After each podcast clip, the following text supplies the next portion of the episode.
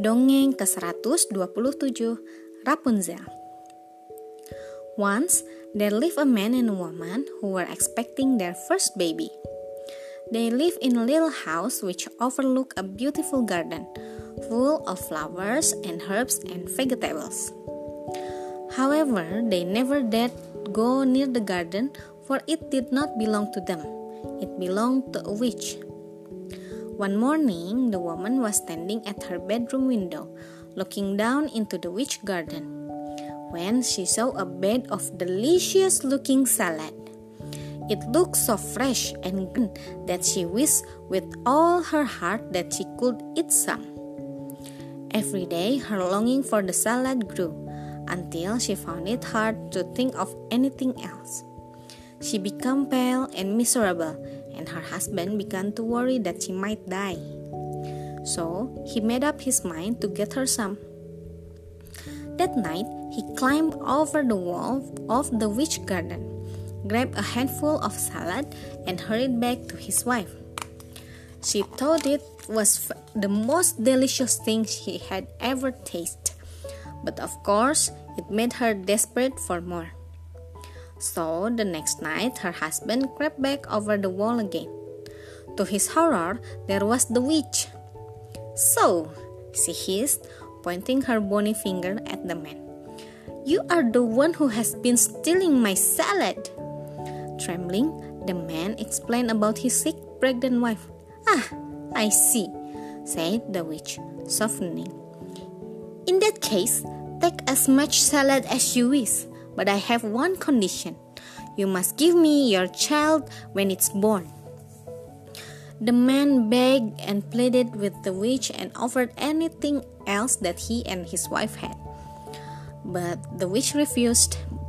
The man knew the witch could do powerful magic, so he promised her what she wanted and fled back home. Weeks passed, and the man took salad for his wife every day. Then came the time when she gave birth to their child, a baby girl. The witch appeared out of thin air, picked up the child, and said, "I will take good, I will take good care of her." Then she disappeared. The witch called the baby Rapunzel. She wanted Rapunzel all to herself. So she brought her up in a high tower in the middle of a huge forest far from any everything and everyone. The tower had no door or stairs, just a little window at the top, so the witch had to magic herself in and out. Shut away from the world, Rapunzel grew into a good, beautiful girl. By the time she was 12, her golden, her golden hair had grown so long and thick that she could braid it and lay it down out of the window like a rope for the witch to climb up and down. But there was no way for Rapunzel herself to leave the tower.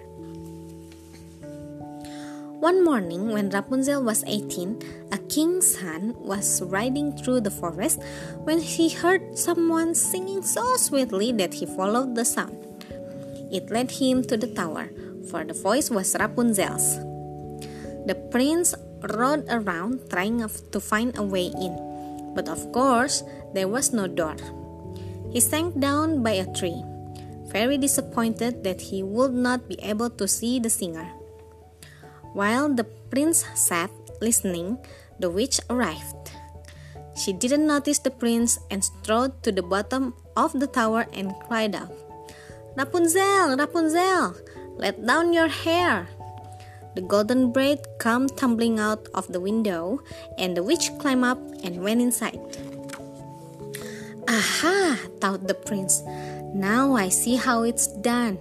And he led his horse quietly away through the forest. The prince waited till evening, then hurried back to the tower. Rapunzel, Rapunzel, let down your hair, he cried, trying to sound like the witch. To his delight, the golden braid came tumbling out the window and he climbed up and sprang inside. Poor Rapunzel was terrified. After all, she had never seen anyone but the witch before. However, the prince spoke to her very gently and smiled so kindly that she lost her fear. The couple talked and laughed, and before the sun rose, they had fallen in love. The prince hurried away before the witch arrived, for she always came back in the morning.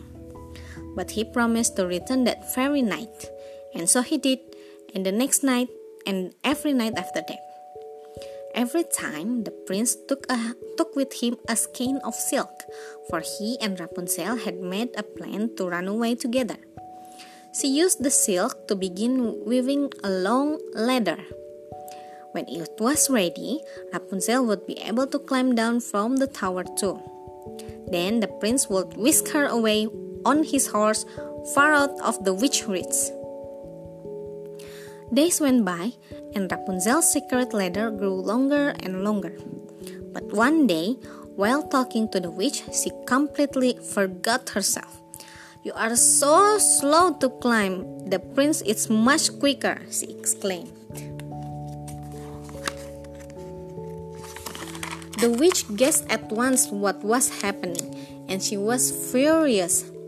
She grabbed her a pair of scissors and cut off Rapunzel's braid. Then she magicked the girl far away into an, an empty desert. The witch tied Rapunzel's braid to a hook above the tower window. By and by, she heard the prince's vo- voice calling, Rapunzel, Rapunzel, let down your hair. And she let the golden braid tumble to the ground. The prince climbed up the braid, and there was the witch. Aha! she cried. Now I got you, and you will never see Rapunzel again. As the witch began to cast an evil spell to the prince, he leapt out of the tower window. A thick bed of thorn bushes cushioned his fall, so he was not killed. But he was seriously hurt.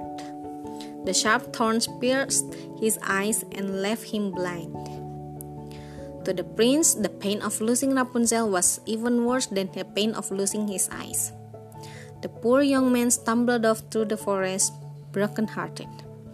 And so the prince wandered over the countryside, living off nuts and berries for more than a year, until at last he came to the desert where Rapunzel had been banished and abandoned. The girl could not believe her eyes when, he, when she saw him. He was blind and dirty and ragged, but he was her beloved prince. Rapunzel threw her arms around him, crying tears of joy, and as her t- tears fell into the prince's eyes, they cleared. He could see once more. Finally, he led Rapunzel back to his kingdom, where they live happily ever after. Sekian. Terima kasih telah mendengarkan. Selamat malam.